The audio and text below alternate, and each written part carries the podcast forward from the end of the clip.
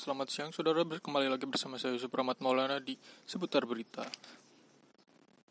Bagi Anda yang menyukai rasa pedas, diimbau selalu memperhatikan pergerakan komoditas cabai, lantaran cabai tengah mengalami kenaikan sejak awal tahun 2021 lalu.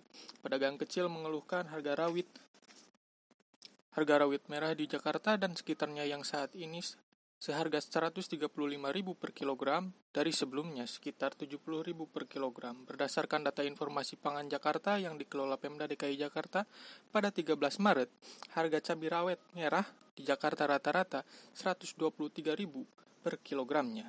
Harga tertinggi pada 13 Maret terjadi di pasar Pos Pangumben sebesar 150.000 per kilogram dan terendah di pasar Sunter Podomoro sebesar 100.000 per kilogram.